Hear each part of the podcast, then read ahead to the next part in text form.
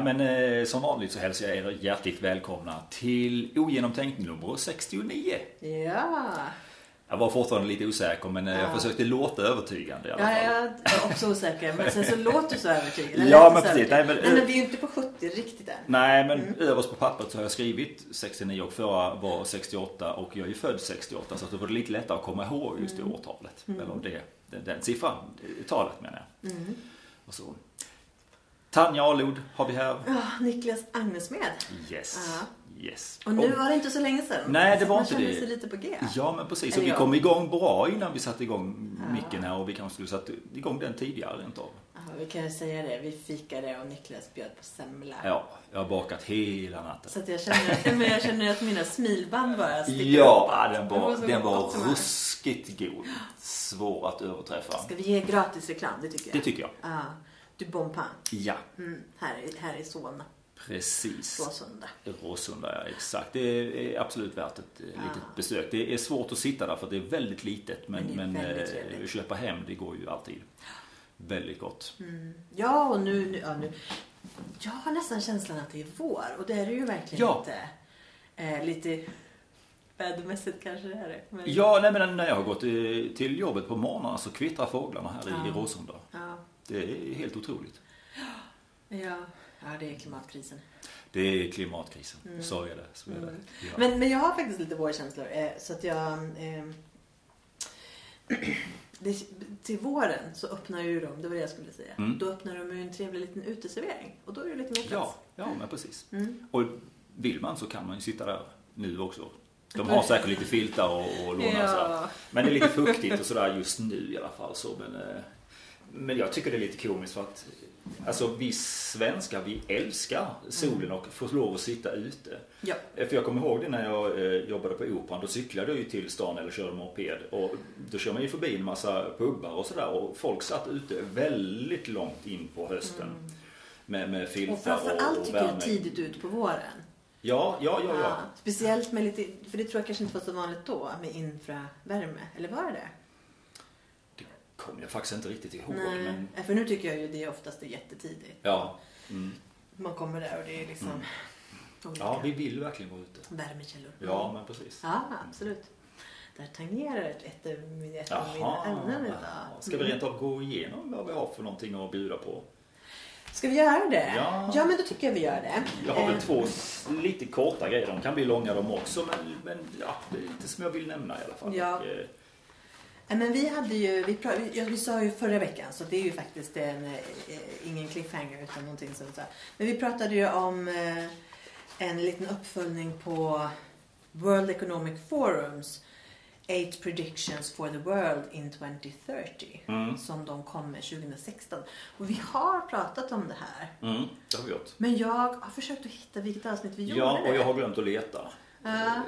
För det, det måste jag ha skrivit ut rätt tydligt. För vi pratade ganska länge om det också. Vi pratade och vi gick igenom alla de här. Ja, och sen vi. så har jag, för att jag har hittat ett avsnitt där vi pratar om specifikt om You will own nothing and you will be happy. Mm. Där vi har brutit ut och pratat lite extra om det. Ja. Och då säger vi, ja ah, men avsnittet innan. Men, men jag hittar inte det. Så att jag, jag vet inte. ja, för jag har inte plockat bort någonting i alla fall. Nej, det nej. vet jag. Eh, jag, Ja, nej, jag, jag, inte, jag, ibland, ibland så, det är inte så att jag går tillbaka och lyssnat på precis alla avsnitt. nej. Även om jag gör det ganska ofta. Ja, nej. Ja, nej. Ja. Jag, jag kan inte. Nej, men så det, det har jag på min agenda. Inte så, kom- det är inte så långt tror jag. Utan Mm, dyker lite i det och Mm, ser mm. vad vi tänker idag. Mm. Och sen så har jag faktiskt ehm, ehm, hur mycket invandring tål Sverige? Ja. Eh, och lite på, på, på temat att, eh, att invandra till Sverige. Mm. Och Sverigekoden. Sverigekoden. Sverigekoden. Det här är ett litet nytt begrepp som jag vill införa. Ja, okej. okej. Ja. Ja. Det Mm. där tycker jag låter lite spännande. Ja. Det, det blir jag nog mest intresserad av. Ja, det är, Men, men då tänker jag att... Och du har... Eh, jag har lite om, eh, om Kommunals reklam och- Mm. och sådär. Den landade väl inte riktigt i vad jag hade tänkt från början. Men det är lite spännande att ta ett ämne och försöka bearbeta den. och Sådär. Mm. Och sen så handlar det om, om godhet. För du var inne på det för eh, Mm. ett tag sedan där. Och jag bara tänkte, och vi kanske har haft det några gånger också innan. Men ja, den kanske inte är helt nödvändig. Ja. Så, men vi ser var vi landar. Vi Däremot så har jag en, en liten varning som jag skulle vilja läsa upp här Ja. till alla. Om ni får en länk som heter Håkan Hellström sjunger julsånger. Öppna inte den. Det är Håkan Hellström som sjunger julsång. som jag garvade när jag läste det. Jag tycker det är jättekul. Ja, det är jätteroligt. Och, Så det var en liten varning det. ja. Men då tänkte jag nästan också dra någonting superkort. För- Någonting som jag bara reagerade på när jag satt på pendeltåget i- förmiddags. För jag skulle iväg och köra en, en klass, instruera lite. Eh, och då, då reagerade jag på reklamerna som jag såg. Så jag tänkte bara läsa upp budskapet. Så här, för det är ju i princip, man ser en liten plansch och så är det Ja. en huvudrubrik som ska sticka ut. Ja. Eh, och då, den första här. Vill du helst inte andas ren luft? Mm. Och det här är då ett företag som heter Matsmart som, som, som typ, deras affärsidé är typ att de eh, återvinner mat som har gått ut eller jag vet inte om de blivit kantstötta förpackningar eller någonting. Mm, att de då återsäljer det här. Så att det är någon form av att det är. Men deras reklamkampanj är ju då att eh, så här. Nej, jag gillar inte ren luft. och, Nej, jag tycker jag har aldrig gillat det här med träd. Eh, och så har, ska det vara lite poppigt liksom. Eh, och så, men det här budskapet. Vill du helst inte andas ren luft? Mm, mm. Ja, det var den första. Sen från Röda Korset. När du läst den här annonsen har ett barn dött av hunger. Ja, just det. Den har jag sett. Ja. Ja, precis. Ja, det är dystert. Sen kommer nästa. Och då är det en, ett eh, havremjölksbolag. Mm. Som heter Oddly. Mm. Som då har smaken av en godare värld. Så Mm. det är en ordlek. Godare för smak. Mm. Men det är också en... Godare så, precis. Mm, precis. precis. Eh, och sen den fjärde då. Eh, pengar är inte allt. Men det är kattmat, extra surf och tredubblad elräkning. Mhm. Och då är det här från ett företag som, eh, som då eh, erbjuder inkomstförsäkringar. Jaha. Mm. Eh, Ja. Ja, så att eh, pengar är inte allt men det är ju bra att ha för att leva. Mm, mm. Ja. Jag tyckte att det här var väldigt eh, alarmerade, alarmerande Mm, mm, rubriker. mm. Alltså att de är stressande. Att Mm. det, det, det, är inget, det, är inget, det är inget glatt budskap i någon av dem. Nej, de vill få oss att känna saker och ting. Ja. Helt skam då alltså. Ja, och sen kommer jag då, för det här var på pendeltåget, och sen kliver jag upp vid T-centralen och då kör de den här reklamen som jag pratade om förra veckan. Och då hade de den i liksom rörlig form. Mm. Ja. Så det var stopp, andas, eh, koppla av. Och då blev den liksom, alltså den här krocken Mm. tyckte jag blev väldigt ironisk. För att när, när man kopplar ihop de två, då blir det ju nästan som att man så här, det är en nödsituation. Men, men någon säger, "In- ingen panik, ta det lugnt, allt är bra. Fast det är egentligen inte det. Eh, Undertexten blir panikartad i alla fall. liksom. ja, även då den här lugnande som ska vara meditation Ja, och avkoppling precis, blir i det precis. läget ganska Ja, stressande. precis.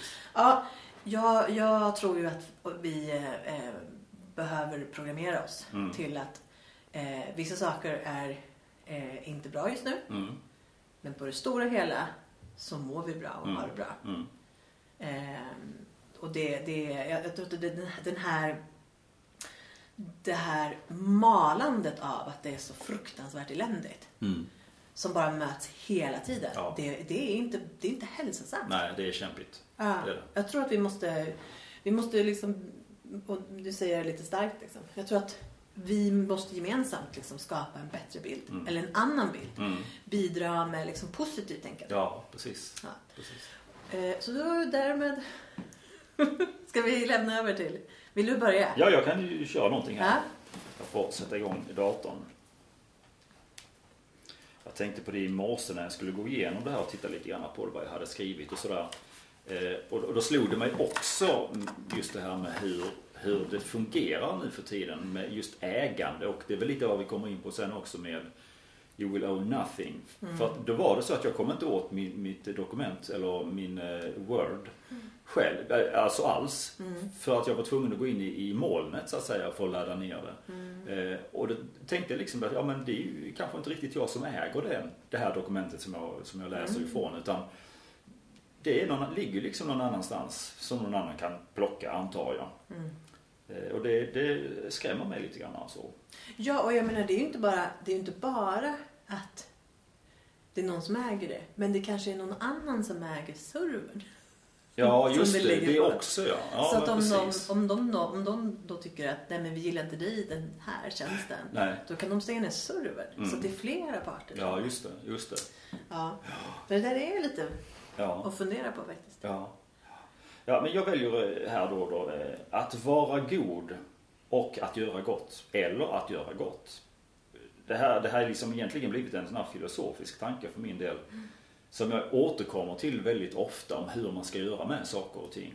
Eh, jag tänker att jag bara läser lite innantill så det är inte så lång text. Att vara god och att göra gott är att förstå skillnaden på långsiktig och kortsiktigt hjälpande. Ibland kan det vara mer skälp än hjälp att skänka pengar och göra deras, göra deras jobb att lösa problem. Än att träda tillbaka och låta deras kreativa förmåga att hitta en lösning. Detta kräver en känslomässig disciplin, framförallt när det kommer till västvärldens värderingar och tankar om jämställdhet och diskriminering. Eh, jag själv blickar gärna tillbaka i tiden för att se skillnaden. För ett par tusen år sedan hade vi miljontals slavar, vilket vi inte har idag. Hoppas jag. Ja, vi har fler sla- slavar idag. Har vi det? Slaveriet är ju mer utbrett idag än vad det var om man går tillbaka till Eh, I procent? eh, Ja, jag, jag tror tyvärr att det kan vara i... Jag menar, vi är ju fler liksom också. Så att, Ja, ja. Ja, mm, jag kör nu på min linje där. Att vi Ja, ja. kanske inte har det. Om vi ser det procentuellt liksom. Ja. För jag, läste, jag, jag pratade en del utav om, eh, slaveri tidigare Mm. i något tidigare program. Eh, Och som det verkade då så var det ju förfärligt mycket slavar förr i världen. Eh, I alla fall så är det inte slaveri idag på samma sätt som då. Nej, nej. Utan det är i så fall att, att den har förändrats Ja. som karaktär. Det skulle jag mycket väl kunna tänka mig. Ja, ja, absolut. Det finns ett modernt slaveri. Mm. Det har ju varit Eh, aktuellt nu i veckan bara när, när och det går ju inte riktigt att kalla det för, det går inte att kalla det för slaveri, men där eh, Uber och Bolt och lite sådana Ja, företag har varit ute och strejkat ja. för att de tycker att, att jag kan inte, som, systemet har liksom låst in mig. Mm. Jag kan inte tacka nej till en körning trots Nej. att jag förlorar pengar på den för då får jag en dålig review och så får jag inte fler körningar. Ja. Så att jag får, måste göra det här som jag går back på. Ja. Eh, för att jag är liksom låst i det där. Precis. Precis. Men det är ju inte samma sak som att vara eh, slav i liksom gamla belgiska styrda Kongo. Nej, liksom. nej men precis. precis. Jag tänker ju ända, ända tillbaks till eh, eh, antiken också. Mm. Där det också var mycket slaveri och så. Mm. Ja, nej men det är väl väl, väl värt att, att diskutera utifrån det. Jag vet, det finns ju mycket svartarbeten också utav Mm. eh, invandrade personer liksom som kommer hit och som utnyttjas på det sättet. Mm. Så, så att eh, absolut, absolut. Eh, eh, jag tar den sista meningen. För ett par tusen år sedan hade vi miljontals slavar, vilket vi inte har idag. Då var det legitim, legitimt att vara frivillig slav, som man också kunde vara. Idag är det diskriminerande. Idag talar feminismen om för oss vad som är diskriminering och inte, men i nuläget ser det ut som att det mesta är det. Vilket feminismen och andra organisationer kan utnyttja och tjäna pengar på. Eller kan man skapa skam som kan tjäna pengar på, så, och kan man skapa skam så kan man tjäna pengar på det, så gör man det. Det var egentligen det vi pratade om faktiskt. Att den här reklamen den skapar liksom en skam för att de vill sälja någonting eller att vi ska ge pengar till någonting för att tjäna mindre skam. För att ytterligare justera perspektivet blickar jag även framåt i tiden. Såklart kan jag inte veta något om framtiden då vi lever i en levande och föränderlig värld. Men vad sägs om att många av de problemen vi har idag inte existerar om, låt säga, tusen år? Är det då okej att still, eh, stilla vår upprörda och radikala sinnen en smula och veta att livet kommer att vara mer eller mindre kämpigt beroende på olika geopolitiska utmaningar? Och där syftar jag på, på det jag egentligen har tänkt på tidigare eh, med Afrika där vissa länder fick hjälp men inte andra. Och man kan se att i det långa loppet så de som inte har fått hjälp de har fått skapa sin egen tillvaro. Mm. Och lyckats med det. Eh, Så jag, jag gillade det du sa nämligen på, på det här eh, just det här att, att vara god eller att göra gott. Eller, Mm. Där man kan definiera det och ibland kanske man ska stå tillbaka eh, snarare än att försöka fylla någon konflikt eller hjälpa ett land som kanske inte vill bli hjälpt egentligen eller har en annan agenda mm. som vi i västvärlden inte förstår. För jag skulle nu vilja påstå att vi förstår inte riktigt allt. Och det har jag lärt mig genom det här med romerna till exempel, att de har ju en egen kultur där de står fast vid att de ska inte bli en del utav vårt samhälle. Mm. Vilket jag tycker är jag är oerhört fascinerad av det och att de lyckas göra det också. Mm. För de är ju konstant påverkade utav oss här liksom och, och beroende. Men, men att de har den stoltheten eh, som folk, det tycker jag är, ja, jag tycker det är fantastiskt mm. faktiskt. Det är beundransvärt att ha identitet och stå för det. Mm. Så att, eh, ja, nej, men det var lite grann om, om att vara god och göra gott. Det var, mm. det var kanske inte så mycket mer tankar jag hade där. Nej men det är ju intressant och det är ju också, det är ju ett dilemma med. Det är ju det och det är liksom den här, det, det, det jag känner liksom som smärta när jag ser någon, någon fattig eller någon på TV liksom, ett land som, som mår dåligt och så då vill man ju på något vis hjälpa till men faktiskt mm. kanske stå tillbaka och titta på. Folket kanske måste ta, ta de egna första stegen för att, för att det ska hända någonting mm. i, de, i de länderna och så. Så att, ja. Eh, men det är det jag tycker som vi har pratat för om mikrolån. Liksom, att, ja, precis. Att just det här, vad är det som faktiskt hjälper på sikt? För ja. jag kan ju tycka till exempel när det gäller biståndspolitik mm. att alltså det, det första målet borde ju egentligen vara att detta är temporärt och det ska ja. fasas ut. Att, att, målet måste vara att, att alla, alla länder är som fungerar för egen maskin och mm. inte beroende av allmosor från andra länder. Nej, nej. Eh, och hur man då, så här, hur, att, att det skulle vara ett innebyggt, en, ja, ett, ett inkluderat mål liksom. Mm. Att, eh, att eh, så här, ja, vi behöver göra det här nu för att det här är en hjälpinsats mm. liksom, för att folk explicit dör av hunger nu. Mm. Som vi då mm. sa i den här Röda Korset. Eh, Just det. Men när man då, att man, man måste lyfta upp det från den nivån. Mm. Och sen så börjar liksom, som Hans Rosling pratar om, med att men man rör sig från den första nivån in i nästa, nästa nivå, nivå och tre precis. och så liksom kommer man upp. Ja. Eh, och, att, och hur gör man det? Ja, det är ju lite krasst. Det som har funkat på mig många ställen är ju eh, att man industrialiserar. Mm. Så att mm. man börjar med enklare, en enklare typ av industri. Mm. Människor kan få jobb hela tillvaron går inte bara runt på att eh, liksom, hämta sitt vatten, Nej. göra upp sin eld, liksom, laga sin mat, tvätta sin tvätt och sen så börjar man om igen. Mm. Utan att du faktiskt kan eh, tjäna lite pengar så att alltså, barnet kan flytta iväg, tjäna lite pengar, skicka till föräldrarna. Nästas mm. barn kanske kan gå i skolan. Ja, alltså, så här, du hela tiden utvecklar. Eh, och man kan och det är det jag tänker mig att man vidgar perspektivet. Mm. Liksom, hur kommer det se ut om hundra år? Eller ja. vad, vad som helst. Liksom. Ja, att man måste, kanske måste ha som ett visst tålamod. Ja, liksom, trots på, att det smärtar. Ja, exakt. exakt. Mm. Stå ut med den smärtan. Och sådär. Ja, jag har ju varit med i, i Facebook här för lite sen och eh, på min födelsedag då fick jag ju också ett, ett förslag på att dra, dra in lite pengar till olika mm. välgörande ändamål och sådär. Mm. Det, det gjorde jag inte.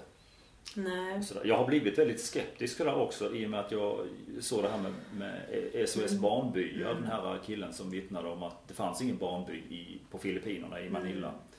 Och filmade det också att den faktiskt inte fanns där för han bodde alldeles intill. Mm. Eller alldeles, alldeles i närheten. Ja, och det fick mig att, att tveka väldigt, väldigt mycket. Och om jag inte missminner mig så har de ett 90-konto också. Mm. Eh, och många tar ju det som en intäkt för att det är en säker och bra mm organisation att stötta mm. Eh, och sådär. Och han, han hade även varit på det här stället efter det här också lite senare och, och konstaterat att det, det, finns liksom, det är en parkeringsplats. Mm. Är det.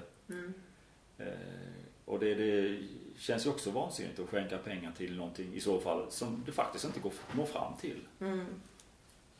Så att eh, ja, det, det, är mycket. Men det är ju problematiskt. Jag tänker också med, som just, jag tror att det var Röda Korset för ett antal år sedan där det var liksom skandal för att man, hade, administrationen hade väldigt höga löner. Mm. Ehm, och då, och jag, jag för mig att det var en socialdemokratisk, om det var Veronica Palm, som skulle ta över en, en position.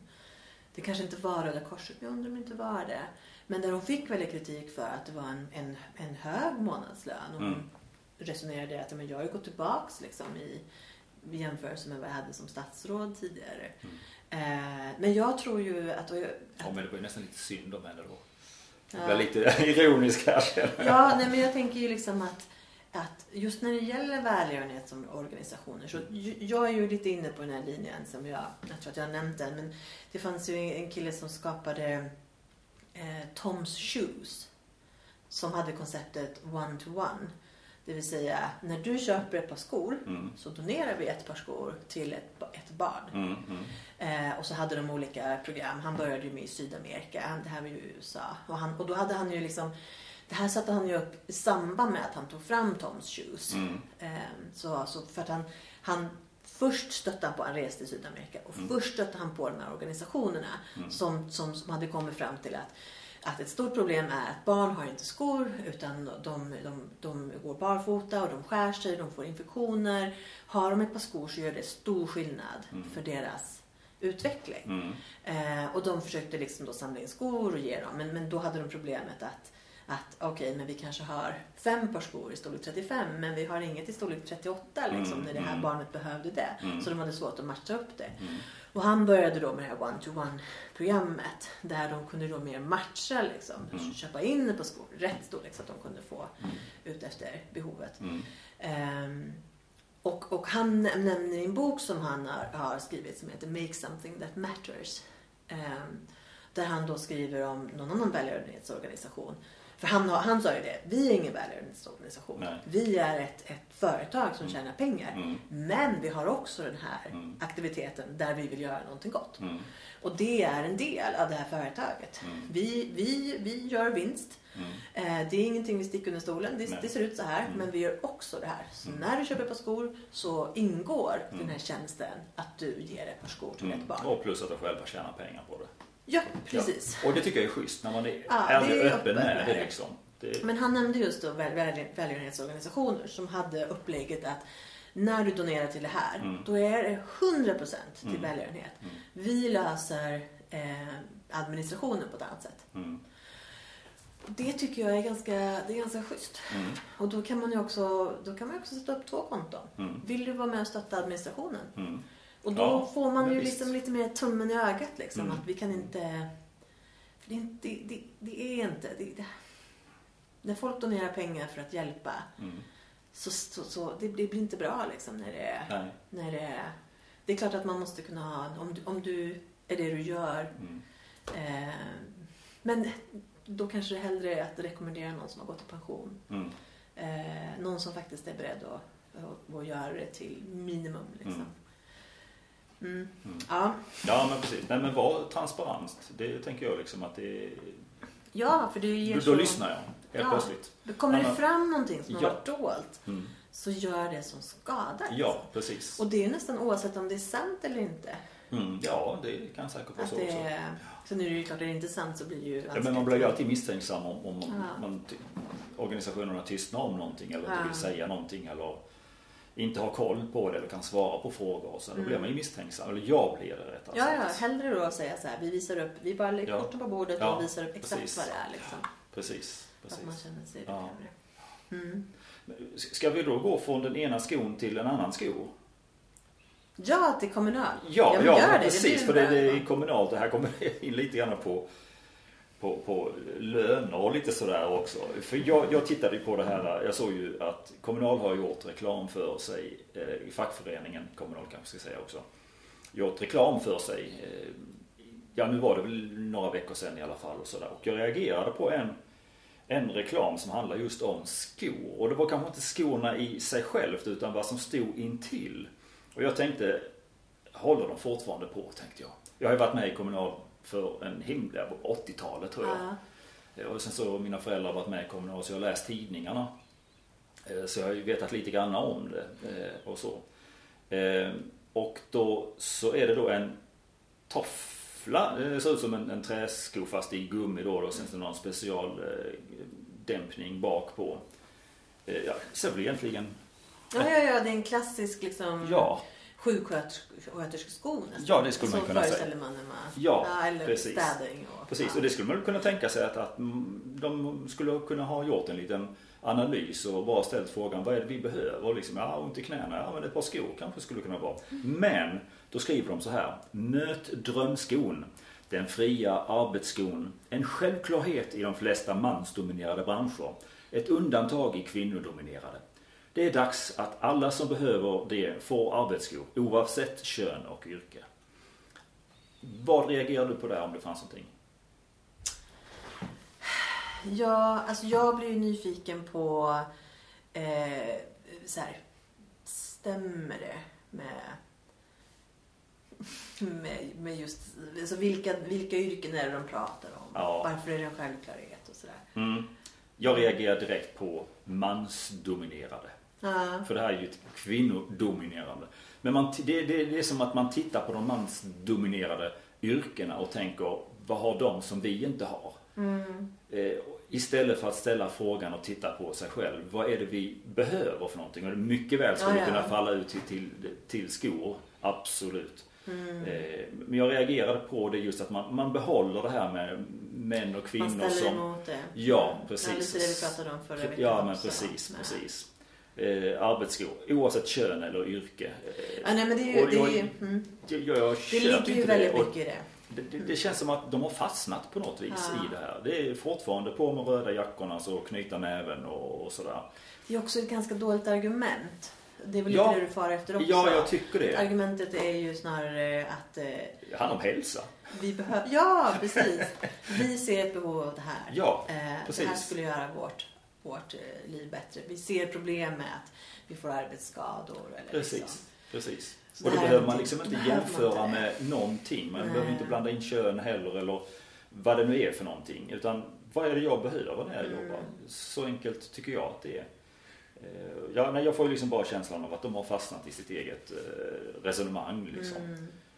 Och jag har ju följt dem under, jag har inte följt dem så noga på senare, senare år, men sen, sen eh, Ylva Törn var, var ordförande där så, så reagerade jag väldigt starkt Mm. på att de lyckades faktiskt inte genomföra någonting fast de själva trodde det.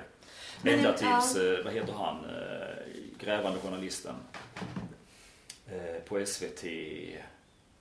Ah, vad Jo, Josefsson. Ja Mm. precis. Han och hans team de kon- kontrollerade ju om de hade genomdrivit eller fått Mm. igenom någonting på sin, sina förhandlingar. Vilket Mm. de inte hade, men de trodde det. Eh, och det var ju väldigt svårt för Ylva Törn att och, och, Mm. eh, försvara. För hon Mm. var ju rödflammig under den intervjun. För hon hade ju faktiskt inte lyckats med någonting. Mm. Fast nu har hon lyckats med någonting. Säger jag lite ironiskt. Hon är landshövding idag och tjänar 100 000. Så hon lyckades med någonting. Ja, lyckas för sin egen del. Mm. Ja, nej men precis. Så att, eh, det blev jag lite, tänker att det jag blev lite ilsken här. Ja, ja, men jag tänker att just, man, man, man, eh, man, man är ute efter att dra, dra poäng på den, Ja, på den eh, Ja. argumentet. Att precis. här förtrycks kvinnorna. Men, ja men det blir ju hela tiden på det viset. Och det, det, det behöver ni inte göra skulle jag säga. Nej, Ja. nej. Det, är, det där är ju, jag tänker att egentligen, Men det är väl kanske också sådär, försöka sätta eh, känslorna i svall. De lyckades med mig i alla fall kan man ju säga. ja. Fast på ett helt annat sätt än vad de ja hade det önskat. med detta med känslor. Ska vi bara nämna vår premiss bara för det? Ja men det kan vi göra. Ja. Ja. För vi, vi är ju intresserade av att samtala. Mm. Inte så mycket att vi måste inte landa i en åsikt. Nej. Och vi måste inte själva ha bestämt oss vad vi tycker. Och vi måste inte, säger vi någonting, påstår vi någonting så behöver inte det vara någonting som just vi tycker utan någonting som vi har snappat upp. Eller någonting som vi bara vill pröva. Liksom. Mm, mm. Eh, det är inte färdigt, det är inte, det är inte genomtänkt. Nej. Ehm, och också att vi får ändra oss när vi vill. Mm. Vi kan ha fel. Vi kanske, ibland kanske vi är vulgära. Det är inte förbjudet. Mm. Eh, utan, men vi, vi är väl ganska snälla.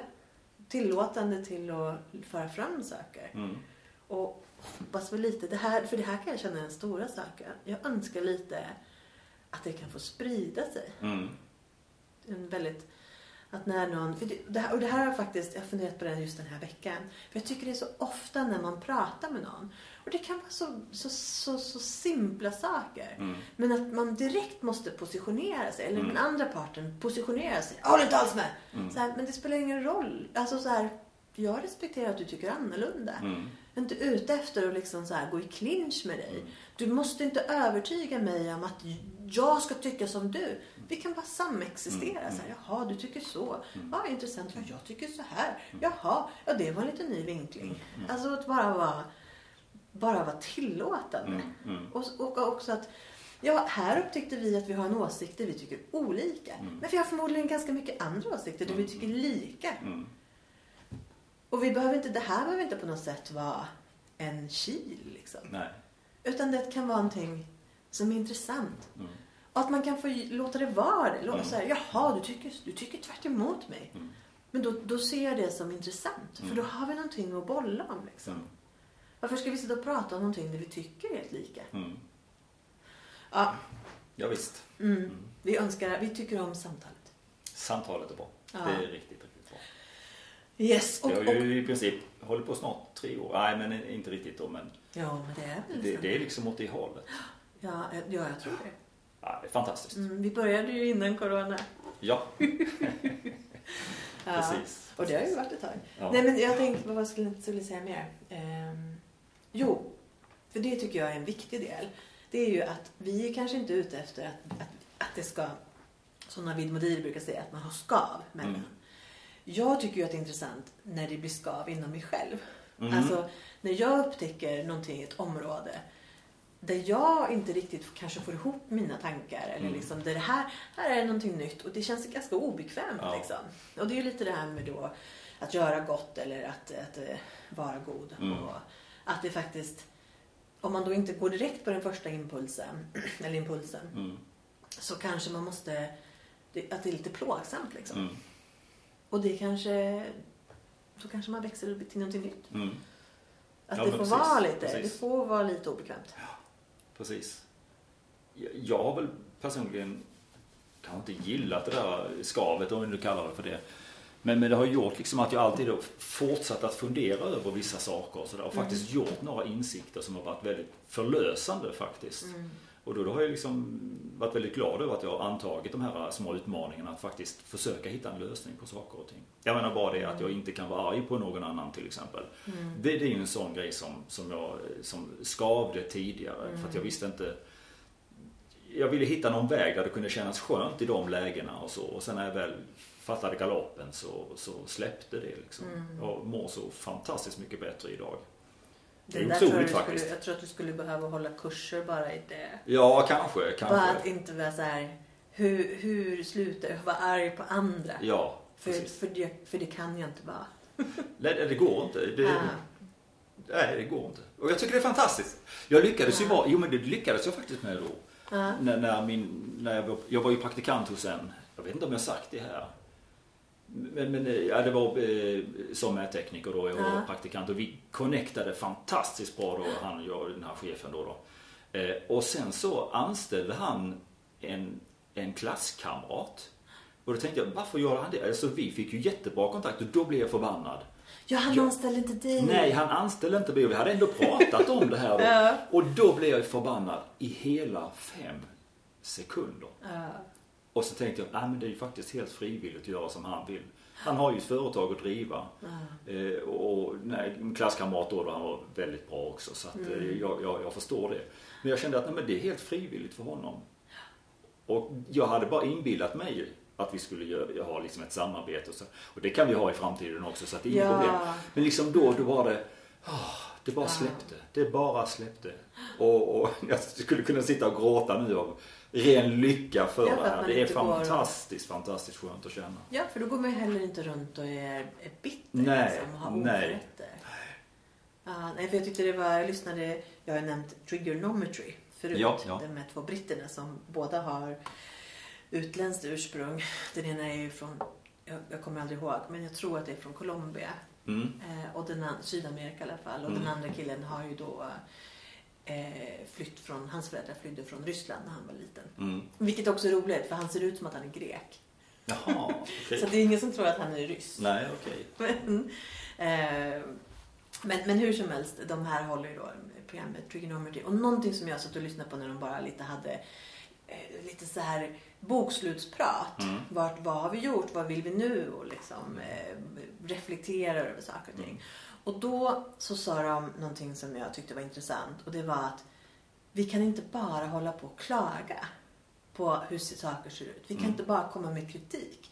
Vi måste ju komma med idéer på hur vi går vidare. Mm. Hur gör vi så att det blir bättre? Mm. Hur, vad har vi för vision för samhället? Liksom? Vad, vill, vad vill vi framåt? Mm. Och det tyckte jag var väldigt... För det kanske man inte kräver av en podcast heller. Men att man faktiskt så här, eh, både får vara kritisk och sen säga men vi har, Mm. vi har någonting annat som vi vill pusha för. Mm. Men de i alla fall jag lyssnade på deras avsnitt häromdagen då, då, och det var, så, det var så spännande. Okej. De intervjuade en, en eh, jag tror psykolog. Mm. De kallar honom för doktor. Mm. Ibland blir man lite osäker på, när man lyssnar på det, och så blir man lite osäker på vad var det för någon titel de hade. Mm. Eller vilken bakgrund, vilken utbildning och så vidare. Mm. Ke- Kevin Dutton från Australien. Ja, okej. Som då har specialiserat sig lite inom ämnet psykopati. Psykopater. Okej. Och han sa, för han sa att det är många som har kritiserat mig för de anser att jag glorifierar psykopater. Mm. Men han sa att jag menar tvärtom. Det är ni som stigmatiserar Mm, psykopater. Eh, och han sa att jag, jag, ser ju ett, jag ser ju psykopatiska drag och psykopati Mm. över ett brett spektrum. Där eh, det kan ge dig stor framgång Mm. inom yr- olika yrken. Bara du har en rätt balans. Men vi ser ju psykopater, det är ju de som där det har skitit sig. Mm. Alltså de kanske inte har impulskontroll, Ja, just det. Eh, ja, ingen- det är ingen- klart. ah, ingen Mm. ånger Det och har så jag aldrig tänkt på faktiskt, att det kan vara på det viset. Ja. Eh, så han menade ju, han, de hade han bland annat gjort en undersökning. Och om man är intresserad så kan man liksom lyssna på det här avsnittet. Mm. För då håller han en, en, en enklare, ett lite enklare test som ger en liten fingervisning om var, var hamnar du på psykopatskalan. Jag gjorde den. Vågar man lyssna eller vågar man... Eller fanns det som man skulle skriva ner det eller? Ja, det var väldigt enkelt. Det var Ja. 11 frågor och Ja. sen så fick man, fick man eh, en betygsskala från 0 till 3 Mm.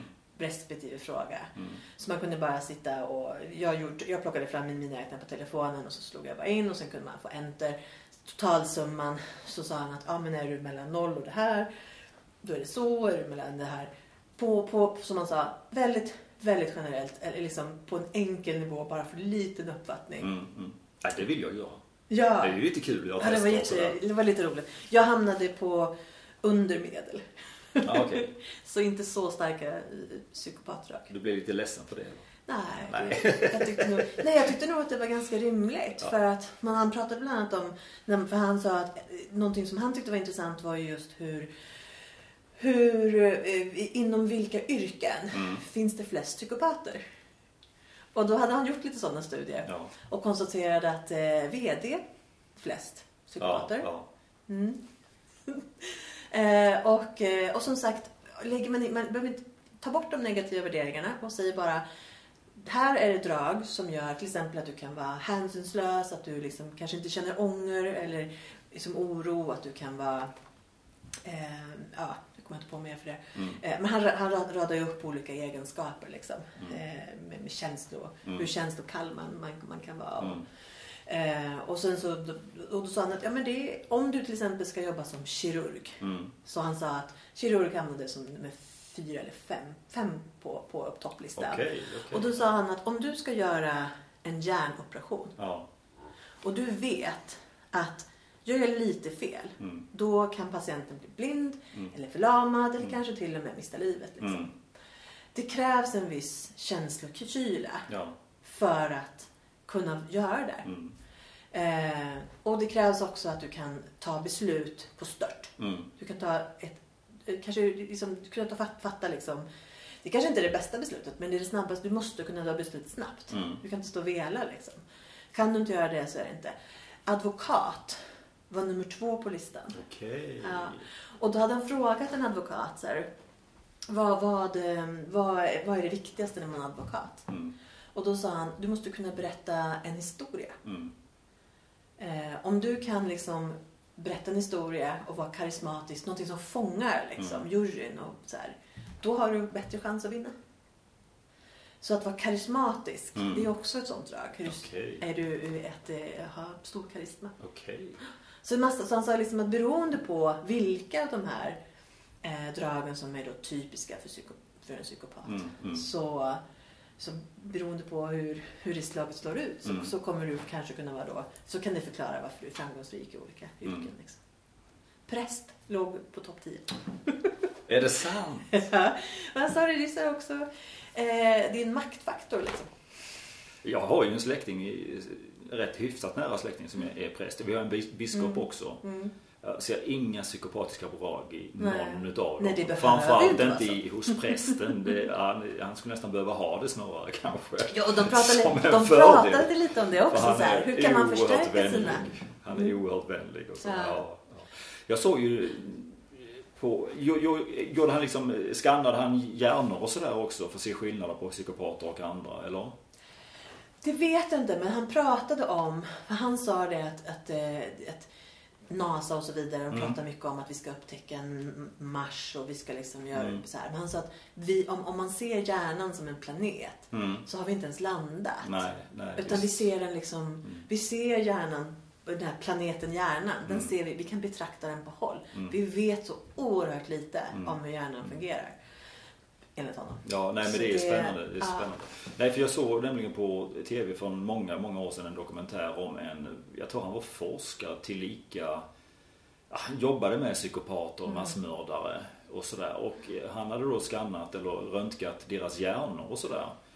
Eh, och så att det fanns en skillnad mellan normala hjärnor och deras hjärnor. Och bara för att få en referens så, så röntgade han sin egen hjärna också. Mm. Vilket visade sig att han var också precis som psykopaternas Mm. hjärna. Så det fanns liksom Ja, tydligen psykopatdrag hos honom också fast han Mm. använde det på ett annat sätt. Ja men precis, då använder du det till, till, till det goda saker. Ja, men Mm. precis. precis. Ja, Ja. Nej, jag har själv velat eh, vara psykopat och känslokall och så här, för jag har varit så trött på mina känslor och sådär. Men jag har inte Mm. vetat hur jag skulle ta hand om det dessutom. Det vet jag ju idag på ett helt annat sätt. Ja, men han tipsar lite liksom om det i intervjun också. Och också att han tipsar lite så här, eh, röda flaggor om, om man har med psykopater att göra. Mm, Saker som man mm. kanske det är bra att uppmärksamma. Ja. Det, var, det var en jätte, jätteintressant Mm. samtal. Och detta här programmet heter? Triggernometry. Mm. Mm. Och de har ju, det, det finns både där poddar finns. I mitt fall så kollar, lyssnar jag ju mest på Spotify. Mm.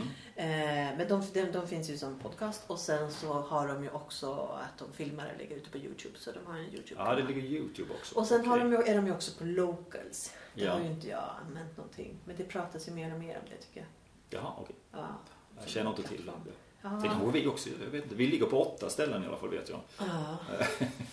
Jag känner bara till huvudsidan, Anchor och Mm. Spotify. Mm. Apple har också någonting där, ja precis. Mm. Mm. Mm. Ja, men då tänker jag nu Mm. att jag gör lite kortfattat Mm. eh, om ehm, Lycka till. Ja. Men om eh, Eight Predictions for the World in 2030. Ja. 2030. Mm. Eh, World Economic Forum. Och det här är alltså från den 12 november 2016 så gick de ut till eh, experter i olika, i olika councils, vad säger man det? Olika forum som de har, som de har med olika okej. expertpaneler. Mm. Och sen så sa vi, vad, hur tror ni att världen kommer se ut 2030? Och så var det folk som uttalade sig och så publicerade de det där. Och det här har ju väldigt många eh, blivit, ja, man har analyserat det och blivit Mm. upprörd och så Mm. vidare. Och vi gjorde ju också det. Mm. Men nu tänkte jag att vi bara kikar lite på dem för det är ju ändå intressant. Det här kom, det kom då 2016, Mm. så vad blir det? Eh, eh, sju, år sedan. sju år sedan. Mm. Eh, och det blir ju också sju år ifrån. Ja. Mm. Så vi är halvvägs liksom Mm, eh, in, mm. in till det här. Och hur, hur ligger vi till idag? Mm. Så den första, då säger de All products will have become services. Alla produkter är service. Ja, alltså tjän- tjänster. Tjänster, ja, Produkterna tjänster. blir tjänster. Och då säger de det, det här berömda. You will own nothing and you will be happy. Mm. Och så säger de shopping is a distant memory in the city of 2030 whose inhabitants have cracked clean energy and borrow what they need on demand. Eh, och eh, så säger de att every move is tracked. Det här är ju lite mer den negativa sidan då. Mm. Every move is tracked and outside the city live swaths. Ja, ja, En gång till. sw- swaths. Swaffs. Jag känner inte riktigt igen det. Nej, jag jag inte känner på det. Och då är det lite, ja, Ja, men varför inte fram dem? gri, så, grupper, driver, eh, grupperingar Okej, tror jag. jaha. Eh, så utanför städerna så Ja. bor då eh, missnöjda grupper. Ja. Eh, the ultimate de- depiction of a society split in two. Mm. Så att om man tar den första delen där då, där tänker jag att vi, vi, är, på, vi är på god väg. Mm. Vilken var den första delen? Att produkter blir tjänster. Ja, Eh, inte minst, och det här har vi varit inne på förut, med just betalningsmodell. ja. Att man går över från att ha, även då när det, när det är någonting som har hårdvara, så går man över till att det är en prenumeration eller ja just någonting det. som just är. det. Hårdvaran hamnar mindre i fokus Ja. och eh, oftast är det en app Mm. eh, och den är ju kon- kontinuerligt så du betalar liksom för att ha den tillgänglig. Eller om det är en Ja. licens av något, något slag liksom, som du ska betala för. Bilar och sådär. Företagsbilar och så. Det är ju oftast leasade. Ja, leasade. och. Det- Ja, och i många fall så tänker jag att för jag, nu, nu äger inte jag bil eh, och har inte, aldrig ägt en, en, jag har aldrig ägt någon nyare bil. Eh, men det är ju bisarrt vad en bil kostar pengar. Ja, ja. En, en ny bil. Och elbilarna som, Mm. som eh, det, är, det, är såna, det är såna stora summor. Mm, mm. Ja, det jag har det är ju företagsbil och så, så det betalar Mm. inte jag någonting för. Mm. Och så, men jag kan ju få sådana förmånserbjudande genom företaget för att ha bil så att Mm. säga. Mm. Ja. Ja, nej, så, den, så, så, så, så bilen, den ser jag definitivt. Och det gör ju också att... att ja, jag, jag, jag sk- jag skrev som en liten kommentar. Håll koll på plånboken. Räkna ihop vad det blir. Ja. Eh, det, det finns ju många sådana här tjänster som att eh, ja, men, du behöver inte ha någon egen tvättmaskin. Lämna tvätten Nej, på, precis. på precis ja. lämna ut den. Och, eller, eller hyr din tvättmaskin Mm. eh, istället för att köpa. Jag tror att man, man och det här är ju en käpphäst som jag har, att jag tror att det, det är så många som känner sig som känner sig osäkra på sin egen matteförmåga. Mm. Och jag tror att man måste liksom gaska upp sig och, och få lite självförtroende för att mycket är bara plus och minus Mm. och det grejar man. Mm. Eh, och att man inte är så rädd för, för Mm. matten utan man måste vara på i det här, i det här samhället som de beskriver Mm. så måste man vara på topp. Liksom. Du, du över sin egen ekonomi. Mm. Eh, för det kan bli väldigt dyrt. Och det, inte, det finns ju, och det är det här som jag kan tycka är lite tråkigt också med eh, jag upplever att det är många sådana här tjänster som är det är inte särskilt hög innovationsförmåga eller hög teknisk nivå. Utan ganska enkla produkter som vi redan har. Liksom. Eh, Det finns ju ett sådant exempel på ett företag som heter, heter Ester eller Estrid som gör rakhyvlar. De vänder sig till kvinnor. Och, då, och deras, deras liksom lite grundfilosofi som jag förstår det har ju ändå varit att Ja, nej men de, de rakhyvlarna som finns, de är inte kanske direkt anpassade. Det finns så få för kvinnor och, och, och de är så dyra och liksom så här. Eh, Jag tycker det finns massor framme i kassan när man ska betala. jag tycker heller inte att det finns några problem, någon brist. Plus att jag är av den åsikten. Det här är också en sån sak, apropå manliga, och- Ja. manligt och kvinnligt. Ja. Så tycker jag ju, en, en kompis till mig uppmärksammade mig på det och sen dess har jag varit lite, lite man kollar läget liksom. För att många gånger när det finns en tjejversion Mm. av en viss produkt Mm. så är den dyrare än den manliga. Det kanske den är. Jag har inte kollat det. Nej, det faktiskt. förstår Ja. jag. Ja. Men, eh, så, och så rakhyvlar var, Mm. var just en sån sak. Mm. Att det var Venus som då är Gillettes eh, för, för kvinnor. ja, liksom. just det. Och som då är greppvänlig. För att ingen annan är det. Nej, precis. Mm, Eh, Okej, okej. ja. Ja, ja, men då, då vågar jag nog ge ett litet tips där även om man kanske inte ska göra reklam. Så, men Lidl har ganska billiga eh, sådana det produkter. Så allt. att, eh, Ja, ja, absolut. det finns verkligen. titta runt så, så hittar man i så fall. Ja, men sen skulle jag säga att det är ju samma sak där. Att du har en grundkostnad. Mm. Om, om, antingen så köper du typ engångshyvlar. Mm. Eh, eller så köper du en hyvel och så får du bara köpa blad. Ja. Och Estrid är ju då, om det nu heter det, är ju, är ju den modellen. Att du, Okej. du, du, startar upp och så får du ditt startpaket som jag förstår det. Och sen så får du en prenumeration. Ja. Och startkitet är väl då är inte så, kostar inte så mycket. Mm. Men jag reagerade på att jag tyckte att det blev ganska dyrt. Mm. För att man signar upp sig på en ganska tät prenumeration av Mm, blad. Och mm. jag, jag, min bild var ju att sådär ofta byter inte jag blad. Mm. Eh, Sen kanske man skulle säga att man borde göra det för att det skulle vara mer hygieniskt. Och det Det är ju, låter som ett säljargument. säljargument. Ja, men precis. Eh, så att, men jag tror att det är typiskt en sån sak. Man kan tycka att det är jättebra. Mm. Men man får, bara man räknar hem det. Mm, Så att man räknar så att man säger att Nej, men det, här är jag, det här tycker jag känns rimligt. Mm, liksom, mm. och inte, inte... Finns det inga prenumerationer på Unisex Racers eller någonting sånt där? Det kan du ju dela på ett, en prenumeration. Ja, Du det däremot tycker jag låter lite ohygieniskt. Nej, nej, nej, men det tar ju inte samman naturligtvis. du menar så. Ja, nej, det skulle jag hålla med om. Ja, det är som att ha samma tandborste. Ja, nej. Nej. Ja, nej, men jag tror att man eh, håll koll, räkna på det. För jag tror också att det finns en ganska stor risk att man drar på sig ganska många sådana här abonnemang. Mm, mm. Men helt plötsligt så upptäcker man att man har Man har, man har kanske inte bara ett liksom, streamingprogram utan man har flera, Ja, eh, flera sådana tjänster. Precis. Och, ja, hitan och dit- ditan som man, som man då betalar Jag försökte mycket för. skaffa ett sånt abonnemang som heter Film In. Mhm. Och det är spanskt. Eh, Ja. ja, men jag bodde i fel land så det gick inte. Jag pluggade i spanska så att jag ville liksom ha tillgång till spanska filmer och, Ja, och då sådär. fick du inte det. Då fick jag inte det med så det var lite synd. Nej. För Ja. det, det hade jag väldigt gärna velat Tänk att ha. man skulle kunna sätta en VPN-tunnel eller någonting så att du kan ange. Mm. Det går ju. Mhm, Det ska jag ta och kolla upp lite Mm. mer av. Mm. Just det. För sånt där tycker jag är lite irriterande när man... Ja, precis. För det tyckte jag var... Ja, jag vill verkligen ha det. Jag Mm. tycker det är så kul med, med filmer från andra länder. Liksom, som Ja. inte är Sverige och USA. För de vet man hur de fungerar. Liksom. Men, men se lite annat. Jag tycker det är Och bara, utse, bara bada i språket. Ja, precis. Ja, jag vill ju lära mig det också så Mm. småningom. Så, så ja. Mm. Men åter till dig. Åter till mig. Jag tycker vi, eh, vi, eh, vi släpper den första punkten och så Mm, går vi på mm. nästa. There's a global price on carbon. Mm.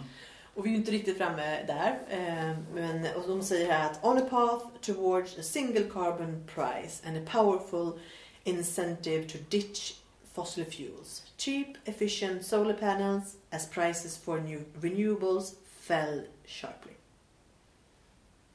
Mm. Mm. Alltså... Det här med koldioxid. Mm. Mm, För jag, jag är ju fortfarande inne på det. Jag har ju eh, laddat ner eh, dokumentation på hur, hur det funkar och hur det funkar för naturen. Och det växer ju mer när det finns lite mer koldioxid också. Eh, jag har nog nämnt det tidigare. I växthus till exempel. Mm. Eh, Ja, det är ju bara att se på vägkanter. i vägkanter. Eh, Om man tänker sig eh, diken och sånt så är de ju gröna och fina. Ja, ja, ja kanske det också ja. ja. Jag bara tänker på att man, eh, alltså i normala fall så har vi då koldioxid 350 ppm. Eh, och det kanske har ökat nu då till 400 ppm och det är miljondels då. då. Så om man, om man nu skulle eh, skoja lite grann om det och ta en kilometer, alltså 1000 meter, så är ju det en miljon millimeter. Skulle vi då ta då 400 ppm, det är alltså 4, det är 4 decimeter och resten är liksom en annan typ av luft. Bara för att få en bild utav det här. Mm. mm. Så när man då odlar tomater så har man alltså 700 ppm Ja, i växthusen. man skjuter till koldioxid för att det ska Mm. växa bättre. Eh, och, och det är ju en del som hävdar det att, att eh, det växer bättre i, på vår planet rent generellt. Mm. Och, och att till och med öknen blir mindre. Mm. Det är ingenting jag kan, kan bevisa sådär. Jag har inte suttit riktigt med det men, men jag vet att vi, eh, när jag gick mättekniken, vi pratade om det nämligen. Så, så att, eh, ja, ja, ja, att det är ett pris på det. Ja. Ja. Ja, det där är ju en fråga. Ja. Mm. Mm. Vi får väl Jag se. tycker det är svårt att uttala sig. Mm, rent, det det. rent om man faktiskt ska prata... prata om, man, om man själv faktiskt ska göra sig en bild av, av fakta. Mm. Då är inte jag tillräckligt in, inläst. Nej. Eh, jag läste ju Michael Schellenbergers eh, Apocalypse Never. Mm. Och där han säger att ja, det är problem med, med utsläpp men det är inte upphov, det ger inte upphov till en klimatkris. Mm. Och så argumenterar han för det. Men jag, jag, jag kommer inte ihåg så att jag kan uttala mig. Liksom. Nej. jag funderar lite grann på hur man räknar eh, på utsläpp och sådär. För jag tänker, jag tänker eh, Sverige, eh, det sa så här att vi står för 0,14% utav världens utsläpp. Mm. Eh, Det vill säga att skulle vi stå för 0% så skulle vi sänka gradantalet med 0,0025 grader. Men jag började fundera lite grann på hur räknar vi på vår koldioxidutsläpp? Men om man tar en bil till exempel, en Tesla. Den är inte tillverkad här och den har ju ett stort utsläpp av koldioxid där den tillverkas. Alltså malmen och litium, Ja, alltså rubbet liksom. Mm. Men det är ju inte här så att säga. Men vi är ju ändå skuld till det om vi importerar en sån, en bil exempel. Mm. Vi- har ju massor av bilar liksom. Eh, och då tänker jag liksom att det kanske borde se annorlunda ut egentligen. Ja, och framförallt så måste man ju när man, när man presenterar siffror så behöver man ju ha lite mer information om Mm. vad de, vad de säger. Ja, Det precis. finns ju också en sån, och, där är det väl en typisk, och jag skulle säga att båda sidor i en debatt gärna använder sig av det greppet. Mm. Att man, man använder olika referensram Mm. när, man, när man jämför. Mm. Eh, och en sån sak är väl när man till exempel pratar om vindkraft eh, versus kärnkraft. Mm. Att man då inte säger att okej, men vi måste ha samma regler för båda för att kunna jämföra. Så att man säger att ja, den här måste vara, kunna, den, den måste försörja sig själv, det ska inte vara liksom subventionerat. Eller hur många år tar det att eh, sätta upp så att vi liksom, hur många år tar det att sätta upp för att få en viss eh, effekt. Mm. Eh, och och då, då, då, då måste man på båda håll räkna med ja, men vad innebär, alltså från, från det faktiska nu ansöker vi Mm. till att man har fått ansökan godkänd, att man har börjat sätta upp det, att det faktiskt levererar ut. Mm. Ja, men hur lång tid är det? Och då kan man inte räkna på olika sätt. Mm. Eller liksom, och sen, och, och, och det gör man ju ofta Ja, det kanske man i gör. debatter, Ja. är min bild. Ehm, ja, nej för då vill man ju ha det från allra första börjans start så att säga. Projekteringen för, för markområden och Ja, eller så är man tydlig och säger att från att vi har fått tillståndet så tar det så här lång tid. Mm. Mm. Ehm, så här mycket kostar det Mm. om det inte är subventionerat. Mm. Men eh, att man är ärlig. Och nu var det bara ett exempel. Mm, liksom. ja, men jag säger inte. Men, men eh, att när man presenterar någonting så måste man. Det måste vara liksom samma, samma ram. Mm. Lite, lite tråkigt fyrkantigt. Mm. Mm. Ja, men nej, jag, jag, jag, eh, jag tycker det är lite allmänt svår fråga. Och eh, det, jag tycker, det jag tycker är lite intressant däremot som jag hade en fundering på. För att jag jag har ju fundering på hur, hur kommer det slå med elbilen? Mm. Kommer den vara, alltså, för just nu skulle jag säga att nu är det ju elbilen, det glider fram som ett segertåg. Mm. Ehm, och jag är ju nyfiken på om vi kommer se några bakslag. Mm. Så att det är, som du säger, liksom, nå- någonting som kanske är lite oväntat. En, en sån liten oväntad som jag har hört talas om, det är ju till exempel att elbilar eh, nöter mer gummi. Än Ja, de är väl tyngre? Japp. De är tyngre så att de nöter den och det. Men också att du har en snabbare acceleration in och ut ur. Ja, Och då det, kan du... det, det uppskattas kan jag ju säga. Då. Ja, ja, ja. ja. Och då Jag har, jag har faktiskt suttit i en Tesla som drog på allt vad han kunde. Ja. 0 till 100 på 3,9 eller någonting som sekunder. Ja. Nej, jag var i chock. Ja. Men vilken känsla. Ja, det var Det skoj. var ju för övrigt en av frågorna i den här psykopat... Jaha, analysen. okej. Så här, hur, hur, vad, vad, vad, hur, hur ser du på, eller blir du, uppskattar du liksom snabba bilar, att åka snabbt, att eh, åka, åka rollercoaster och liksom hoppa fallskärm? Hur, hur ser Ah, du på oh, det? nej, inte fall- fallskärm. Absolut inte. Nej. Men alltså på något vis så... Känner alltså, jag, lite- jag, jag är ju inte bilnörd på något enda sätt. Mm. Men, ibland på Får lite- YouTube kan Ja. jag sitta och titta. Och då tittar jag på, på Mercedes. Och jag, jag tycker inte jag är någon Mercedes-kille överhuvudtaget. Men det ser så himla skönt ut. F- f- Sköna säten och liksom ratt och det är liksom en fin miljö. Och han då som sitter och kör, det känns så mjukt på något vis. Och så en massa sensorer som, som Mm. Ja, mäter avstånd. ändå. Ja, den är väldigt ny och väldigt dyr skulle jag gissa. Det handlar nog om ett par miljoner i alla fall. Det får Ja. det nog göra. Men det, det ser så, ja men vad, vad trevligt tänker jag. Mm. Som jag tycker ja. ju nya bilar är så otroligt opersonliga. Jag Okej. föredrar ju att titta på sådana här program där man bygger om en gammal lampa. Liksom. Ja, mm. En gammal, heter den, är det Amazon eller nu tappar jag det? ja, Amazon finns det, Volvo Ja, Amazon. ja, eller precis. PV. Finns. Ja, jag skulle vilja, det. har jag också funderat på att ha Mm. som, som en terapi sådär om jag hade något garage. Eh, köpa en, en eh, sån här Ford Taunus. De hade såna här Mm. ovala eh, eh, ljus, vad heter det? Eh, Käglor eller? Ja, ja Mm, lampor, lyktor. lyktor ja precis. Eh, För det var mina föräldrars första bil. Ja. Så, så det är lite nostalgi. Mm. Ja, jag tycker det var, ja, det var, de är fina. Ja. Ja. Ja, jag, jag kan inte känna jag kan inte känna skillnad på några bilmärken nu för tiden. Så för mig måste Nej, det är vara- knepigt. Det är det. Ja, och jag är också sån som... Eh, jag håller ju koll på, på färgen. Där går Ja, liksom min gräns. Det, Ja. det här har ju hänt mer än en gång. Mm. Att jag... ja, Som om jag och min sambo ska hämta mig eller någonting. Man ska Mm. gå till en bil på parkeringen. Att jag ställer mig vid fel bil. Ja, jag hittade okej. en annan som är silver eller blå. Eller Som är finare. Som Ja, en pik till sambo att Nej! det är dags att köpa en ny bil. Tvärtom! Oftast är det ju, oftast kanske det är en fulare bil. Jaså. Och då blir det en förolämpning. Vad tror du att det är det här jag kör? Ja, ja, det är lite roligt. Nästa punkt på listan. Mm.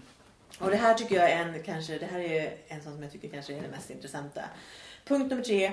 Eh, US dominance is over. We have a handful of global powers. Och sen så skriver de lite mer. Nation states will have staged a comeback.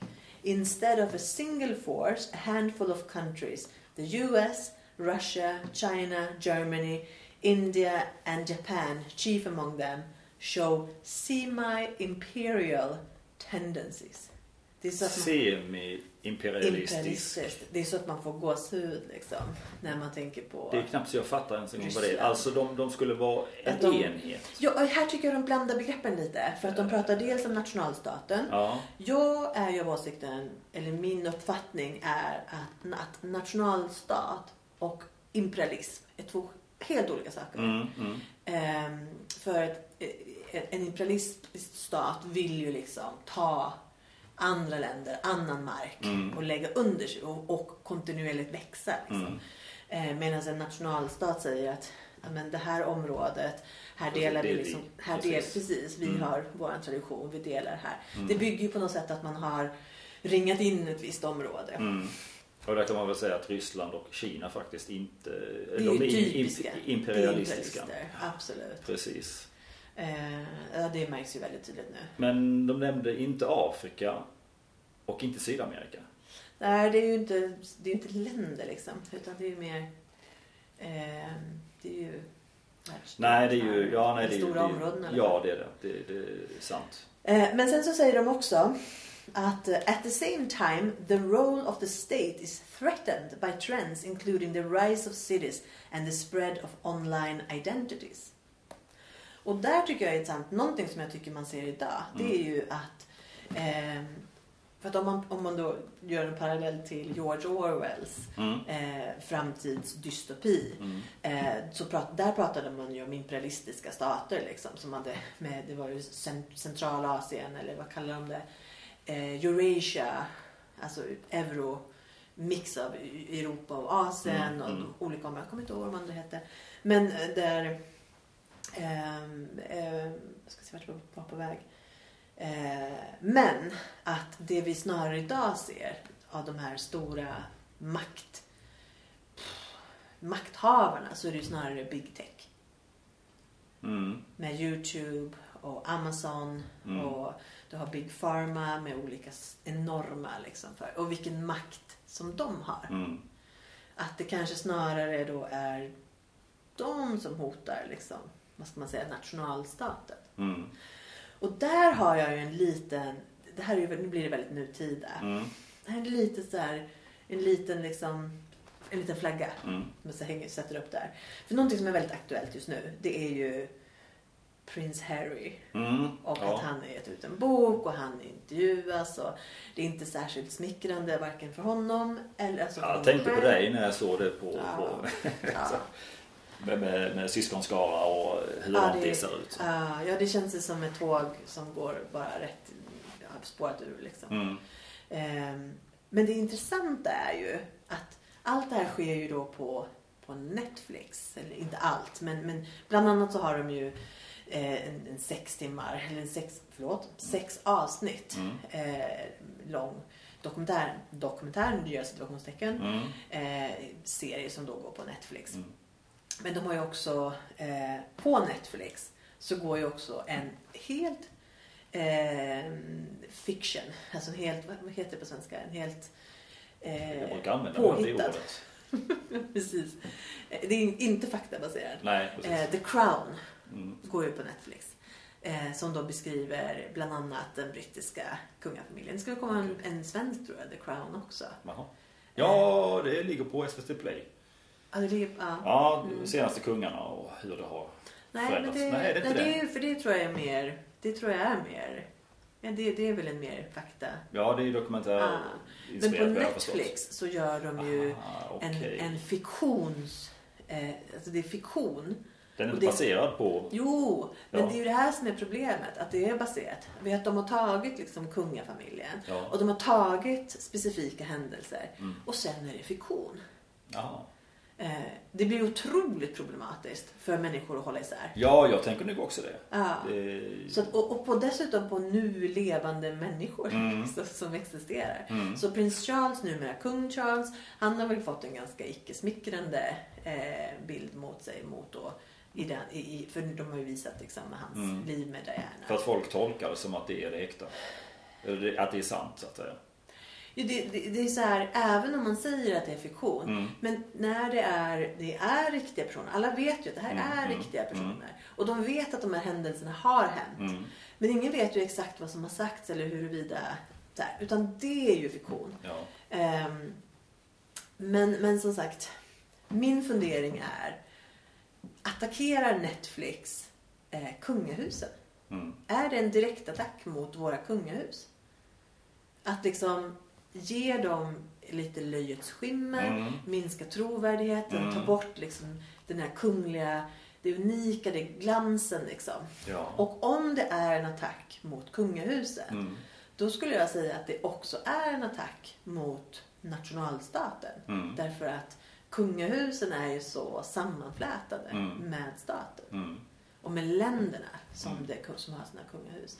Så när man då sänker förtroendet, eh, rubbar liksom på det. Mm. Så rubbar man också på en av grundpelarna liksom, Mm. i, i många länder.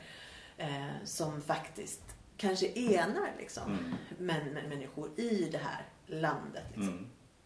Vilken tanke, jag har aldrig tänkt den tanken tidigare. Nej, nej. Men, men det är liksom i så fall en, en fortsatt splittring från andra världskriget där man också splittrade länderna via kungarna så att säga. Vissa Mm. kungar fick ju bege sig ifrån sina länder och, och allt vad som nu hände där. Eh, Så det är ju en väldigt intressant tanke. Jag tycker att det är intressant och jag, säger inte, jag beskriver inte som någon konspiration att det finns någon som, någon som aktivt går in utan Nej, det, det nej. kanske bara är en konsekvens liksom, Ja, men precis. av, precis. eh, av någonting. Att, Mm. Men, men jag, jag tänker ju att i det här så blir det liksom en attack även på andra kungadömen som, Mm. som, inklusive Sverige. Mm. Att man slår ner. Och jag tycker ju, jag är ju, här kan jag vara liksom tydlig, att jag tycker principen med ett kungahus är omodern Mm. och fel. Mm. Men jag tycker också att det finns, som vårt kungahus ser ut i Sverige, Mm. så har vi, vi har ett väldigt fint kungahus. Mm. Det, är, det är personer som, som är otroligt välartade Mm. och som gör väldigt gott för Mm. Sverige. Mm. Så att jag är inte på något sätt att jag tycker att vi skulle jag tycker inte att det finns någon anledning att avskaffa det. Jag skulle kanske hellre sett ett annat system. Mm. Eh, men vi har ju ingenting direkt att liksom skifta över det till. Och vi har ju liksom en tradition med olika... Det finns slott och det finns en historia och så Ja, vidare. ja, men precis. Så att än så länge så tycker jag att det får rulla på Mm. från, min, från min vy. Mm. Eh, och inte minst för att jag tycker att de gör det bra. Mm. Mm. Jag tänker nog inte att det skulle vara på något annat sätt. Däremot så kan jag bli Mm. lite nyfiken på kungen. Vad tycker han egentligen om saker och ting? Det skulle jag vilja höra. Mm. Men han, får ju, han måste ju uttrycka sig liksom Ja. runt omkring saker och ting och kan inte vara sådär politisk. Nej. Eller jag tror Nej. han får väl inte ens lov att vara Han får inte ens lov att vara det. Nej, och, och jag, jag skulle jag, säga är att... nyfiken på vad tycker han egentligen. Ja, Eller allihopa för den delen. Liksom. ja, absolut. Men det är ju också väldigt mycket det att börjar de ha åsikter, då börjar det ju också ge splittring. Ja, Då bidrar de ju. Alltså att de inte Precis. har åsikter, de inte går ut, det gör att det enar. ja precis. Att vi har någonting som alla kan Mm. ställa sig så här, Mm. eh, gemensamt. Mm. Ja, så det var den. Ehm, sen nästa punkt, Farewell Hospital, Hello Hospital. Så mindre sjukhusvård och mer hemsjukvård. Mm. Technology will have further disrupted disease. The hospital we know, as we know it, will be on its way out. Mm. Which, with fewer accidents thanks to self-driving cars and great strides in preventive and personalized medicine, scalpers and organ donors, scalpels and organ donors are out. Tiny robotic tubes and bioprinted organs are in. Oh, wow. Ja. Det här tycker jag ju, jag gillar ju den här punkten. Mm. Men jag tror ju att det finns en baksida, eller en lite mörk sida med eh, en brist på antibiotika och en ökning av sepsis som faktiskt tvingar sjukhusen till att eh, förändras. För Mm. du kan inte ha liksom samma eh, upplägg som vi har idag. Nej, okej.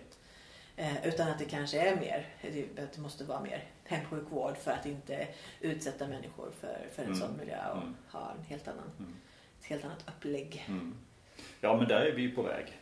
Ja, det tror jag. Det, med, med apparna så att säga. Man kan prata direkt med, med läkare eller vad Mm. det är för någonting, sjuksköterska. Eh, Så, så den biten har vi ju faktiskt redan idag. Ja. Och den tror jag nu kom- kommer bara utvecklas också. Ja, jag, är ju, jag, jag är ju lite skeptisk till när det inte är personliga möten. Det Mm. tror jag är ju en risk. Mm. Ja, jag har ju varit i flera sådana möten. Ja, Och så jag måste säga att jag har nu vant mig lite grann vid det också. Ja. Jag gillar ju de fysiska mötena. Tveklöst. Tveklöst. Men, men eh, det funkar i alla fall. Så om det inte är några jättesuperallvarliga saker som man behöver ta sig iväg. Ja. Mm. ja. vi går vidare. Mm. Så, och då är det eh, punkt nummer fem. We are eating much less meat. Mhm. We will treat meat as a treat rather than a staple. Japp. Är du med på den punkten? Eh, ja, då, då tänker jag på Nederländerna.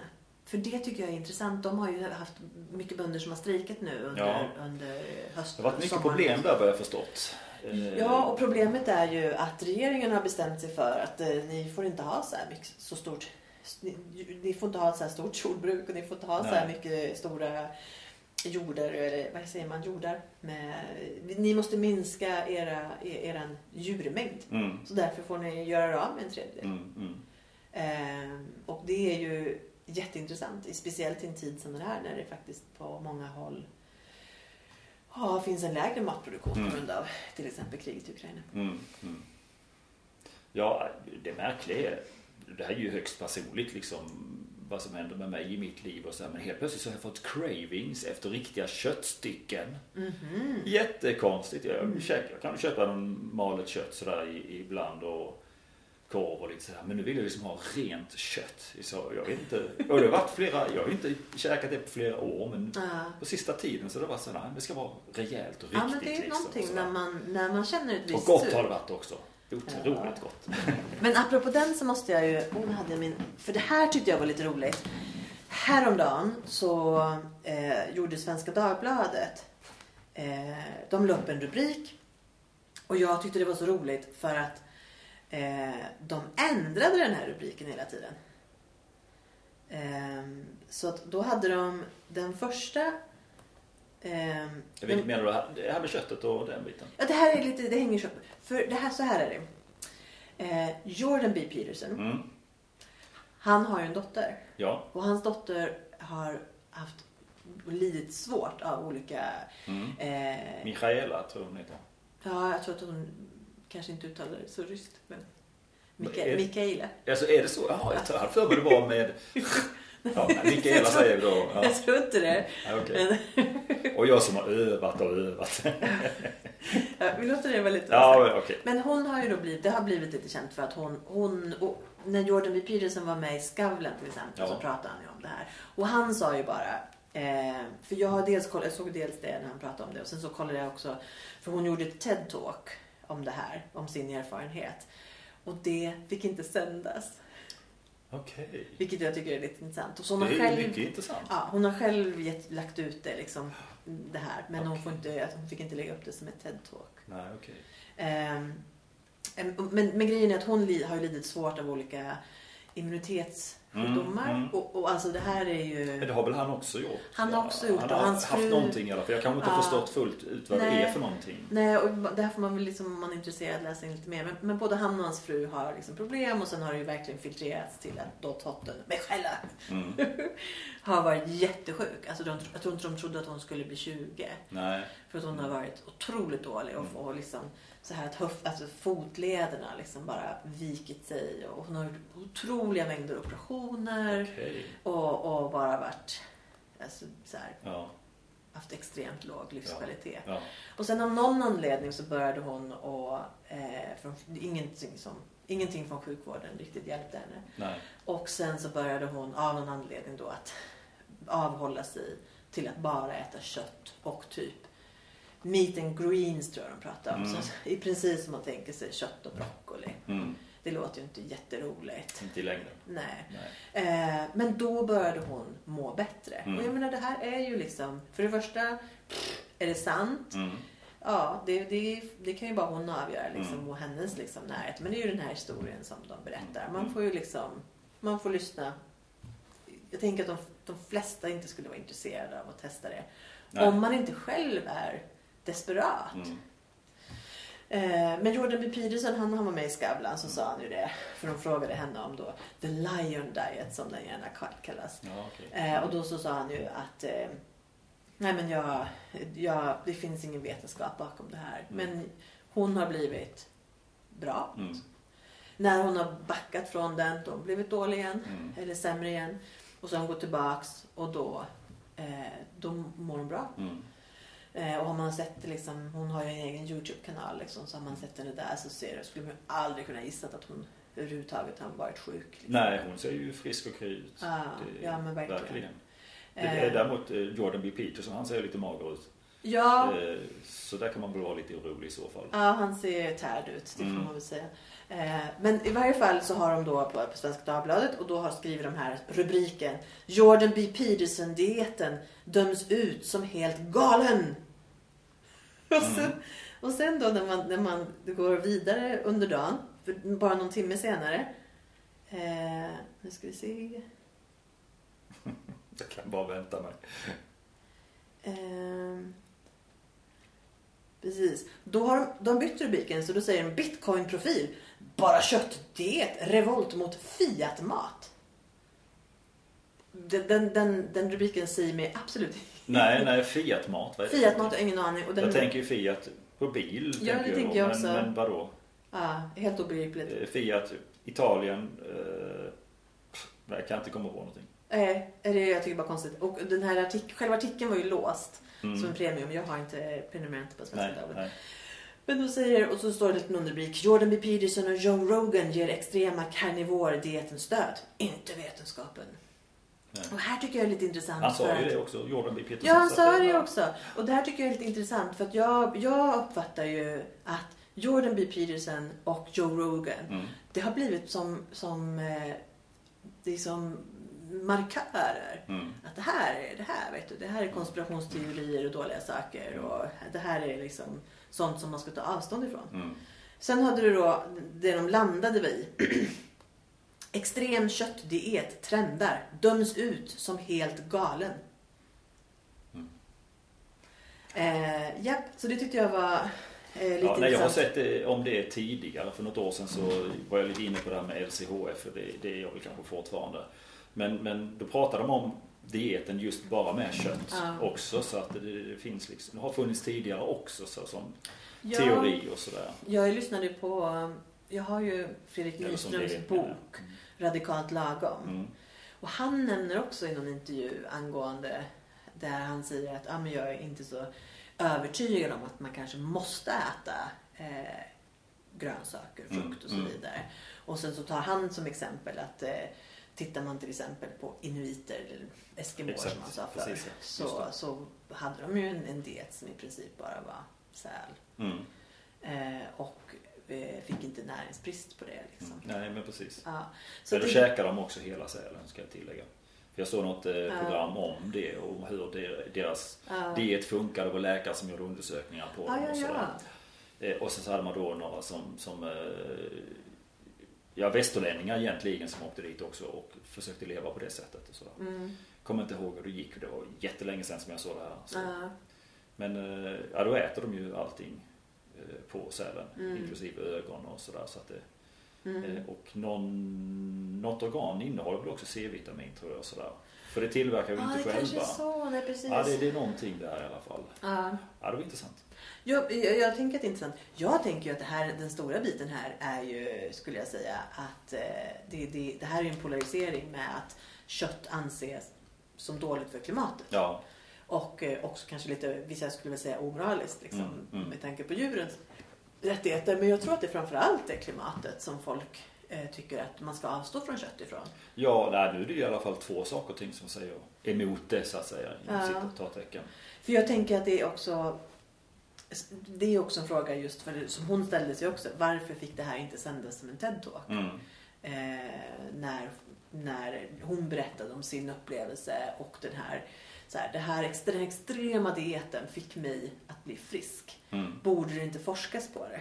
Mm. Ehm, för jag menar, grejen är ju kan jag tycka att om man inte är sjuk på det sättet så finns det ju ingen anledning till att begränsa sin kost på det sättet. Nej, nej. Men för, för om, om det skulle vara så att det faktiskt hjälpte Mm. eh, så vill man ju för det första veta varför Mm. och, och förstå det. Och sen så kunna erbjuda det till, Absolut. till de som är Absolut. vansinnigt sjuka på det sättet. Men man måste ju liksom, det måste ju finnas en... Och det börjar väl röra på sig. Eh, vad jag har förstått i alla fall med eh, cancerpatienter och sådär. Att man rekommenderar ju kolhydratfattig kost Mm. till, som en del utav själva behandlingen. Mm. Och så. så att, eh, ja, det börjar väl hända saker och ting. Men det, det är nog lite segt också för att vi, vi ju vi har ju vad ska man säga, murat fast våra åsikter. Vi har en åsikt och det, Mm. det, det behåller vi för att det är bekvämt för Just oss. när det gäller kost så är det ju så Ja. otroligt laddat. Cementerat, det var det ja, jag precis, kom på. Eh, och det är väldigt svårt att gå ifrån det då. då. Ja. Det, ja. Ja, jag, jag går väl lite vidare. Mm. Ehm, punkt nummer sex. Today's Syrian refugees 2030s CEOs. Eh, och sen så säger de att eh, highly educated Syrian refugees will have become of age by 2030, making the case for the economic integration of those who have been forced to flee conflict. Eh, climate change will have displaced one million people. One billion people säger de till 2030. Eh, Eh, men vad sa du det sista? Climate change will... att man kommer att ha en biljon, alltså en miljard klimatflyktingar 2030. Okej. Men att man då eh, ska säga sig att de som flyr är en tillgång. Det är väl så man får tolka det. Mm, att ja. de kan bli. Om det nu är just CEOs är en Det, tillgång. det, ja, ja, precis. ja, det är de highly educated i så fall. Som blir Ja. CEOs. Ja. CEOs. Eller som vi nu sa tidigare, de som kanske har då psykopatiskt beteende. Ja, Jag vet inte. Ja, det. Det är nu raljerar jag lite. mm. Eh, om ni hörde någonting nu så var det ventil, vatten, vad heter det? Vattenlåset i köket som lät. Det, Ja, det kan ja. vara så att någon annan drar ut proppen uppifrån när de har diskat och så. Så blir det någon slags sug där. ja, det blir, det blir en gemensam Det, det, blir, det låter lite eh, så då. Jag går vidare till nästa punkt. För jag tänker också om vi kommer tillbaka till lite, och pratar lite med eh, konsekvenser av invandring. Mm. Om vi orkar. Mm, Vi, ja. kanske, vi, kanske, vi kanske börjar, vi får se. Mm. Ehm, the values that build the West will have been tested to breaking point. Där tror jag vi är idag. The value... inte- The value, the value, eh, the values that built the Mm. West. Mm. Alltså värderingarna, Våra värderingar. Som, ja, som, Mm. som, har, som har Som kommer att ifrågasättas. Ja, de testas. Ja. De testas till breaking point. Mm. Eh, och det, det, det kollar man på USA med identitetspolitik och Europa och, och så vidare. Mm. Även Sverige om man tänker med eh, det är väl också en, en form av våra grundläggande värderingar hur vi har sett på tillgången till el och eh, sådana saker. Ja, det är nog ganska många Ja. saker som man egentligen skulle kunna anal- analysera Ja. och göra ett utslag utav. Jag tänker också bara hur vi har betett oss under själva pandemin och sådär också. Ja. Eh, Så att det, det, det är nog rätt Ja, stort det, liksom. det finns en del där som just nu är på breaking point. Mm. Och så säger de att eh, we forget we, we forget the checks and balances that bolster our democracies at our peril. Eh, och då tror jag att man kan översätta det ungefär till att eh, vi har glömt bort eller vi har tappat rim och reson eh, med att stärka våra demokratier Mm. på egen risk. Mm. Ehm, och lite att demokratin är, är under lupp. Ja, och det skulle jag säga att det är nästan i hela världen. I alla fall på de ställen som jag ser. Om man tar Brasilien, USA också för den delen. Brasilien här Ja. med eh, stormningen utav deras Mm. parlament i Brasilien. Eh, stormningen i USA. Eh, tanterna som ringer till Ring P1 till Mm. exempel. Som, Ja. Som, som påstår att högern har, har lurat dem till att bli röstade på eh, och, och eh, vi måste göra om det här eller vad det nu kan vara för Ah. någonting som de säger. Att vi vet inte riktigt vad, vad eh, demokrati är. Eh, Så, så länge de Nej, gör som precis. vi säger Ja. så, så är det bra så att säga. Så att det är, skaka i grundvalarna liksom. Ja. Upprätthålla det och veta vad det är för någonting. Det här tycker jag är intressant för skulle man säga för typ ett eller två år sedan så hade inte det här, hade jag bara tyckt att det här var eh, jätteförvånande. Mm. Att säga så här, det får en, att demokratin är hotad. Mm. Eh, det var ju någonting som man använde liksom Mm, i, mm. i valrörelsen och tidigare för att säga att du kan inte rösta på Sverigedemokraterna Mm, för att hota vår demokrati. Mm. Men nu tycker jag ju verkligen, kanske inte just på grund av Sverigedemokraterna, men att demokratin faktiskt är hotad. Ja.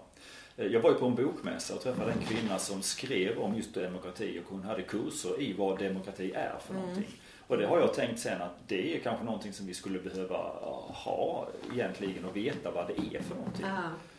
För, för demokrati för mig, det har väl varit gå och rösta så har det liksom blivit ett utslag och så har det inte varit så mycket mer med det. Men nu, nu känner jag i min ålder i alla fall att det är mycket som står på spel. Mm.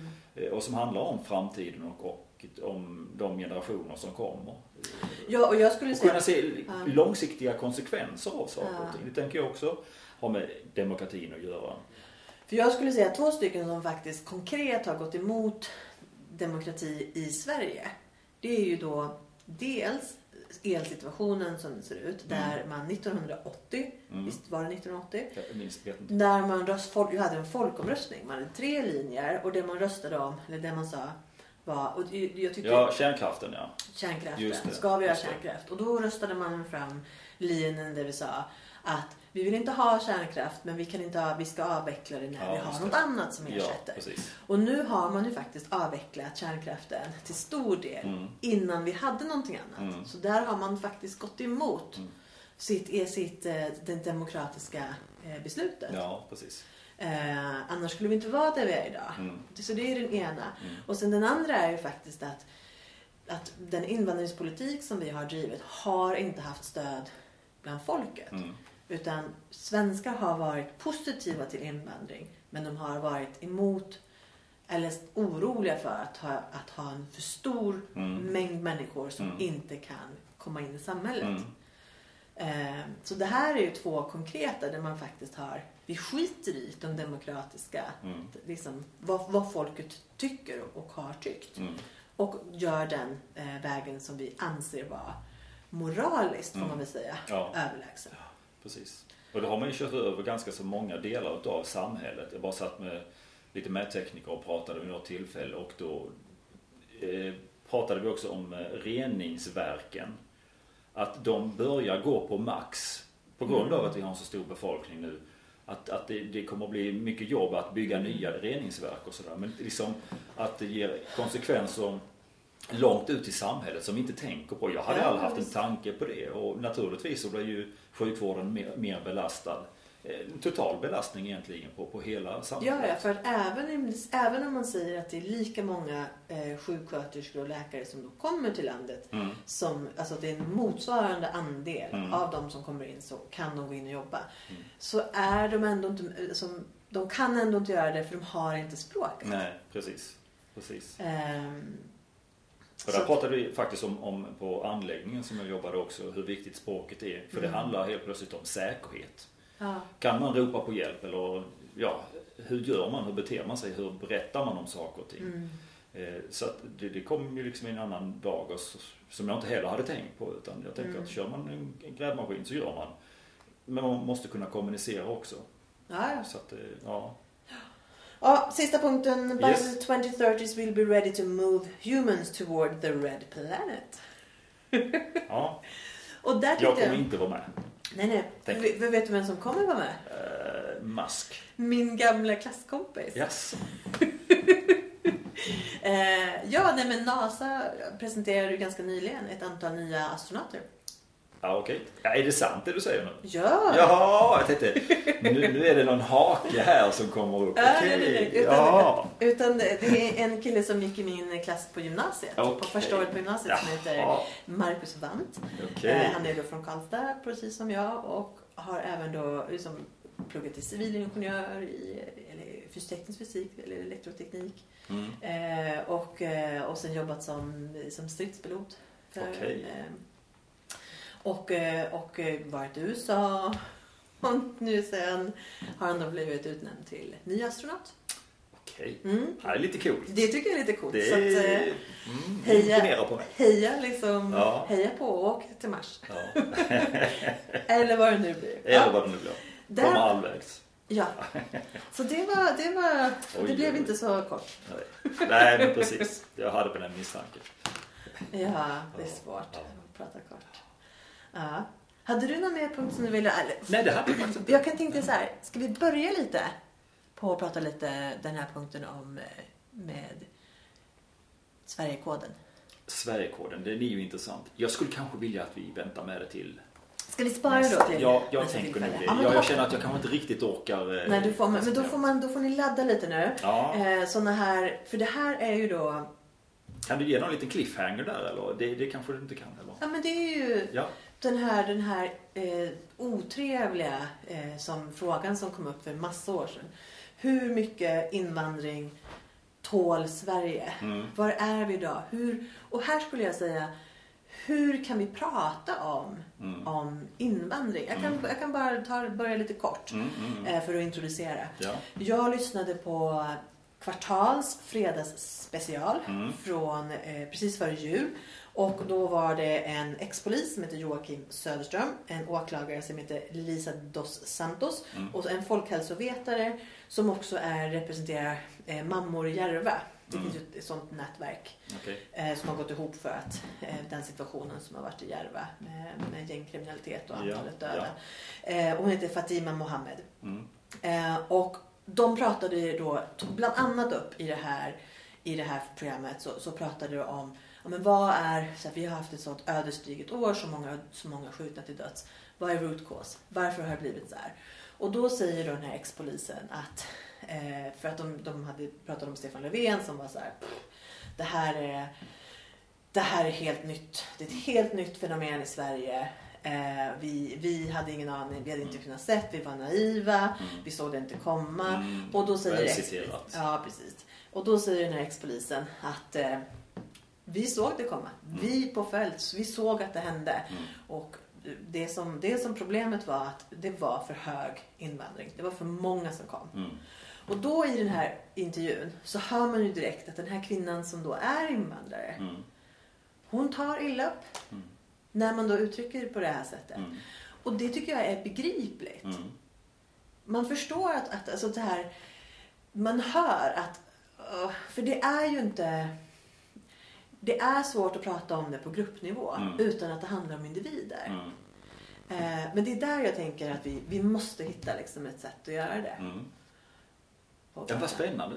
Då får jag liksom en liten läxa till nästa gång och ta reda på det. Ja, ja, man kan ju, man, om man då eh, kan lyssna, vill lyssna på Kvartal så finns ju det. Ja. Den är ju då från, från eh, 22 december. Mm. Om man är nyfiken på att Ja, lyssna. ja, men visst. Ja, så, så tar vi det här. Och sen min kommunikation och se vad vi får ihop på det. Och ni, Ja. ni som lyssnar här nu också, ni, alltså, eh, ta det som en läxa. Skriv på Instagram Ja, eller skriva på, det går ju att skriva på min Facebook också som jag då är ny. Niklas Agnes med heter jag där. Eh, Så, så att eh, kanske vi får någon infallsvinkel därifrån också. Det kan ju vara spännande. Mm. Men då blir det en eh, 70 special då. Ja, det blir det. Ja. Det blir det. Där vi faktiskt får vara kanske obekväma. Mm, mm. Du, du, du, du. yes. Då tackar vi för idag. Tack så mycket.